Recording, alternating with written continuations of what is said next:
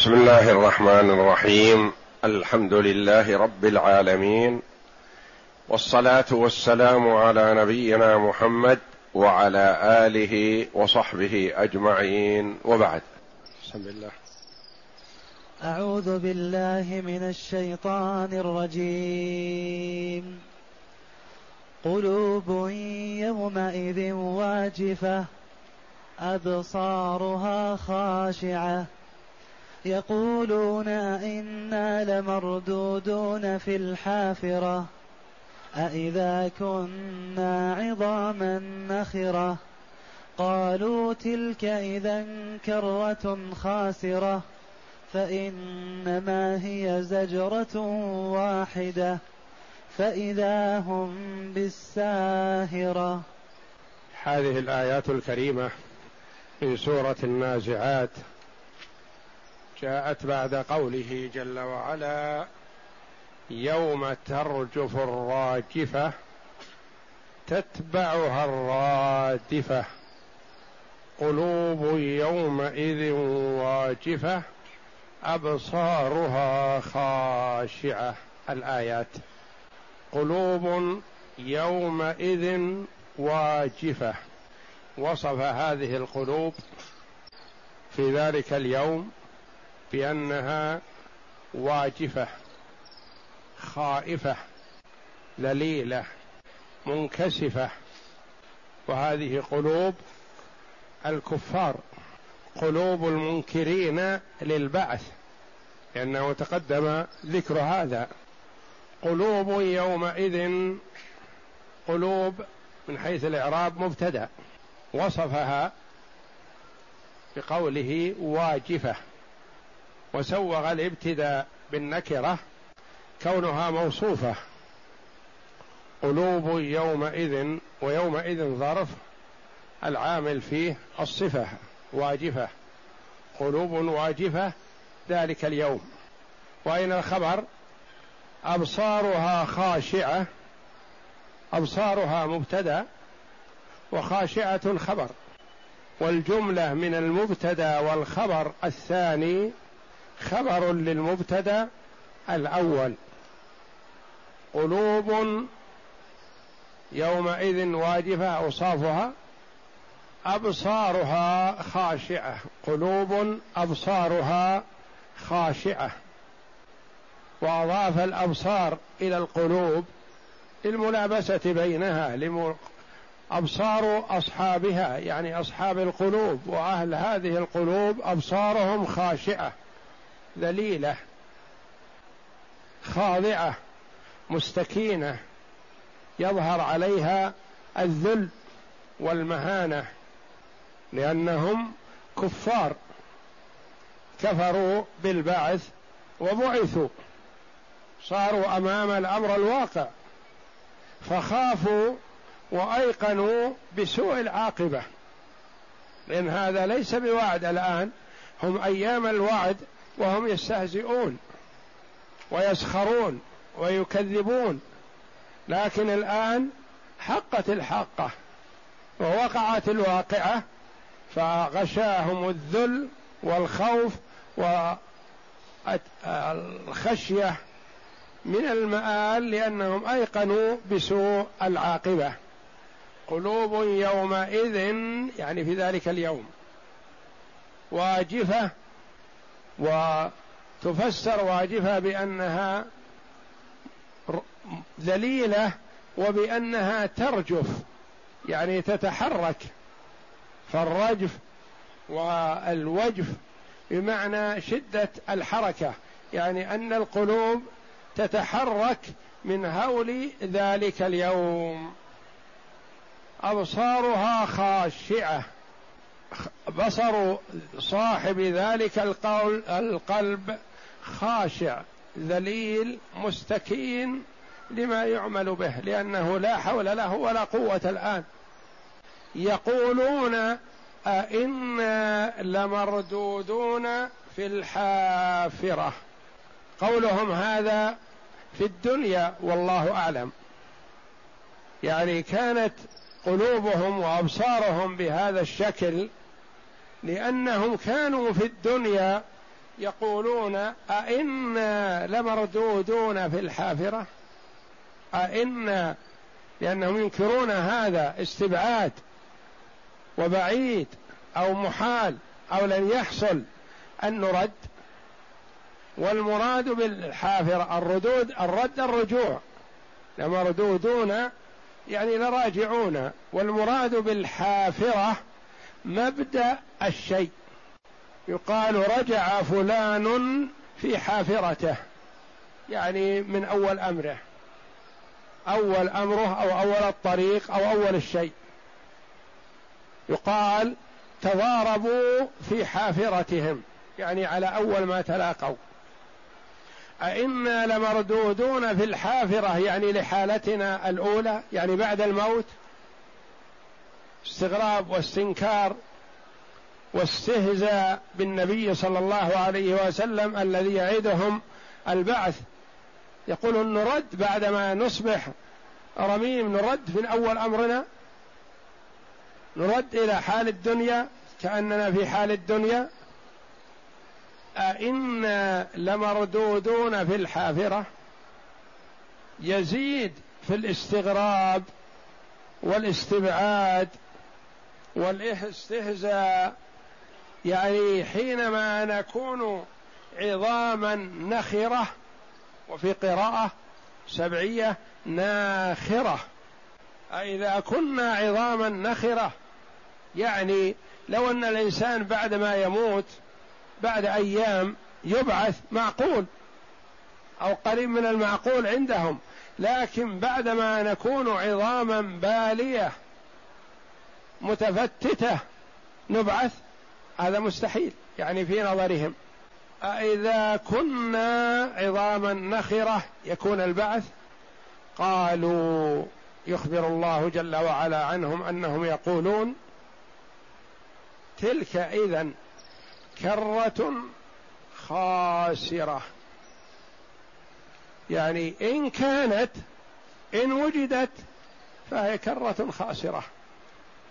رجعة سنخسر فيها لكن نحن كأنهم يقولون نحن متحققون بأنه لا رجعة. لكن لو صار رجعة لا خسرنا.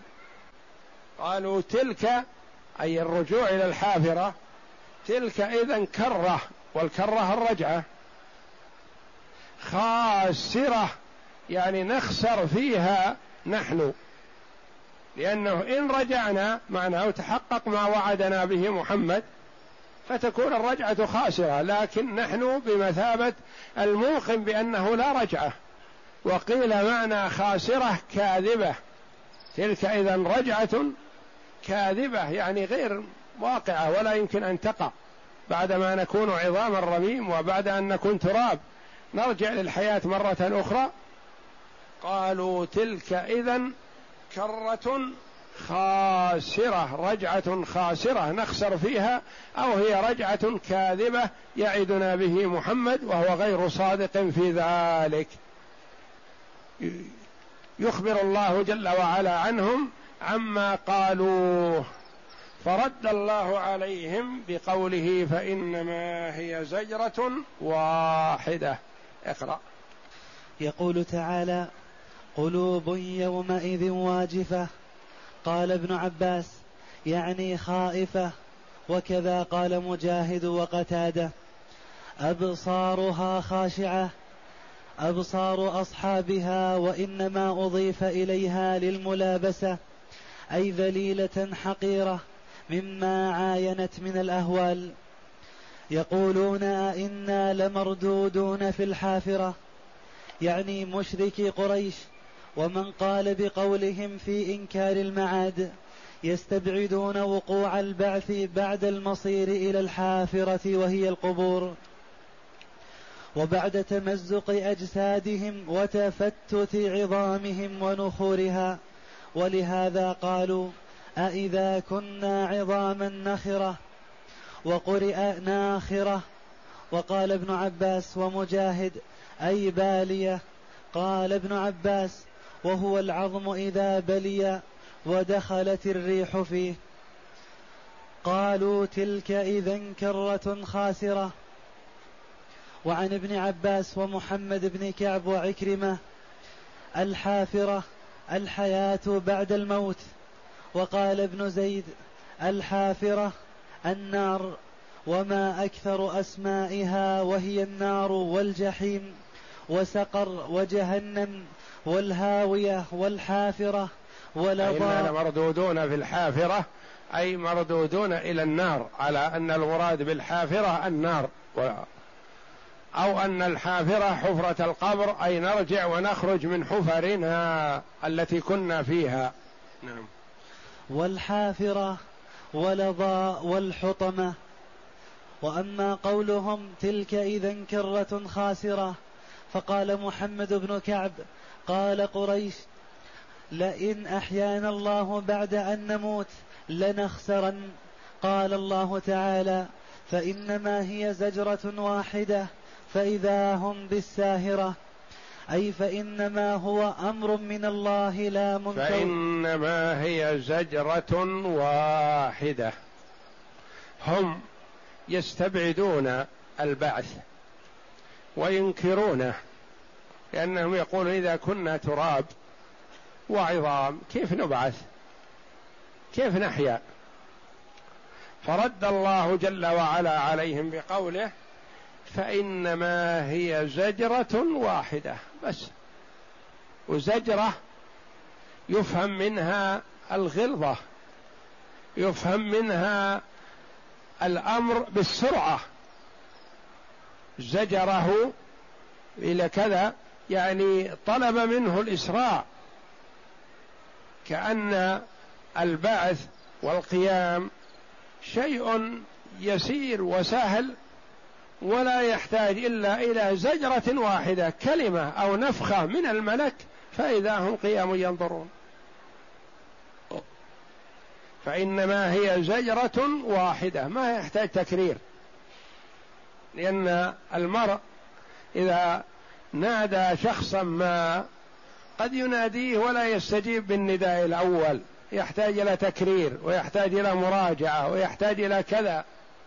ثم قد يأتي وقد لا يأتي. لكنها إحياء الله جل وعلا الخلق عند البعث وتطاير الأرواح إلى أجسادهم يحتاج إلى زجرة واحدة تكفي لجميع الخلق. من أولهم إلى آخرهم. الجن والإنس والحيوانات والطير والحشرات وكل ذا روح. يرجع يبعث في الحياة الآخرة. كل ذوات الأرواح. ثم يقتص لبعضها من بعض كما تقدم ثم يقول الله جل وعلا لسائر الحيوانات غير الثقلين الجن والإنس والملائكة كوني ترابا فتكون ترابا. ثم الخلاف في الجن كما يتقدم هل يقال لمحسنيهم كونوا ترابا وينتهون أو أنهم في ربض حول الجنة أو أن لهم أن لهم الجنة ولأشقيائهم النار.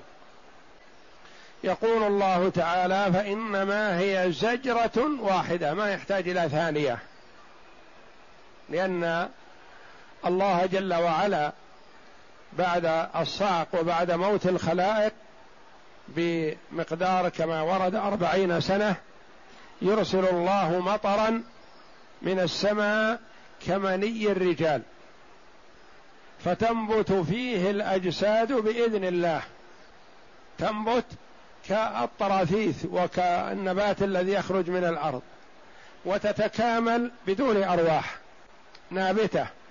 ثم يأمر الله جل وعلا إسرافيل فينفخ في الصور فتتطاير الأرواح كل الأرواح من أولها إلى آخرها بما في ذلك أرواح الحيوانات والحشرات وسائر المخلوقات الحية.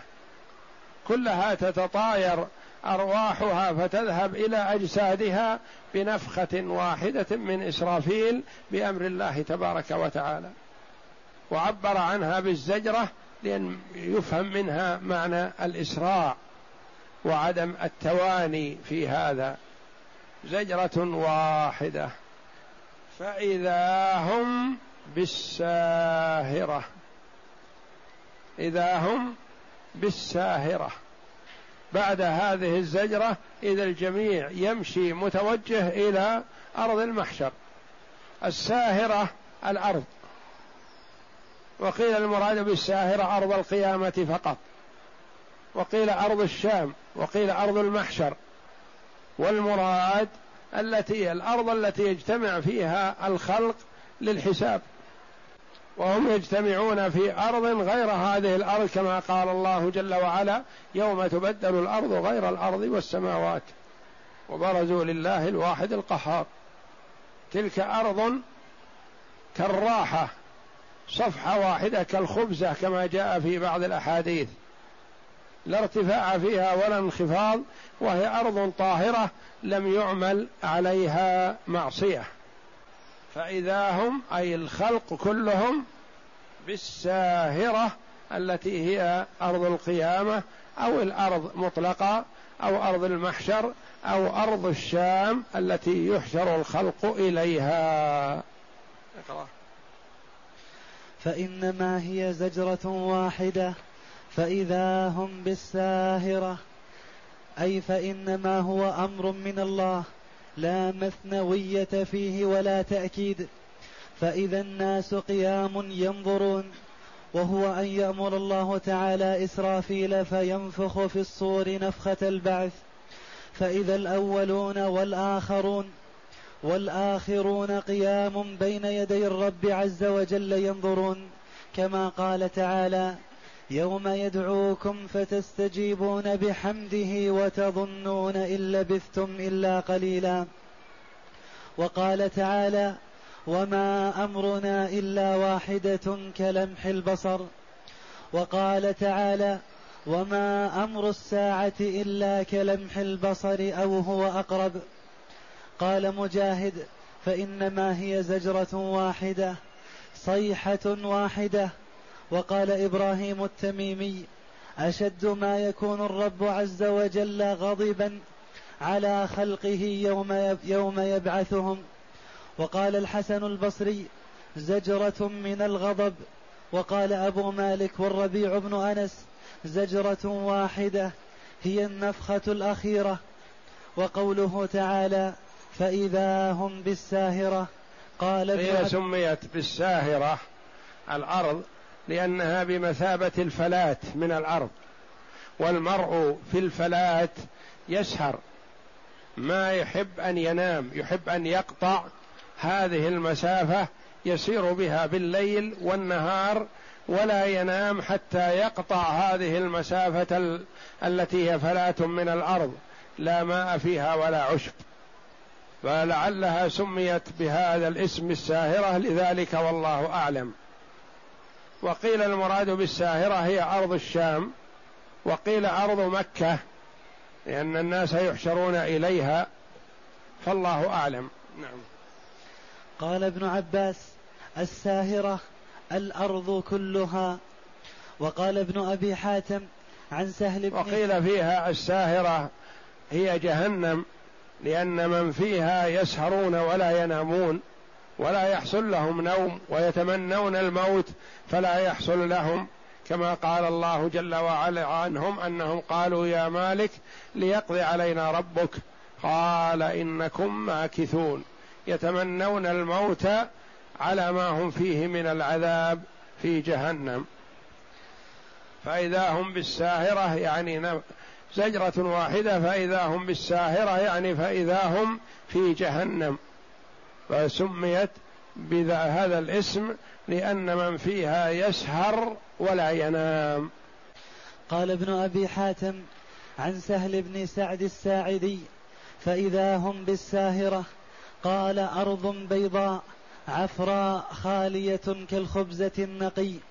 وقال الربيع بن أنس فإذا هم بالساهرة يقول الله عز وجل يوم تبدل الأرض غير الأرض والسماوات وبرزوا لله الواحد القهار.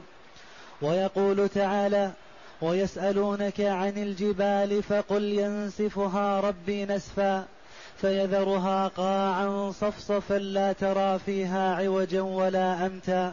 يعني تكون الأرض كلها قاعا صفصفا لا ارتفاع فيها ولا انخفاض ولا وادي ولا جبل كلها كالراحة أو كالخبزة الواحدة. والله أعلم وصلى الله وسلم وبارك على عبده ورسول نبينا محمد وعلى آله وصحبه أجمعين.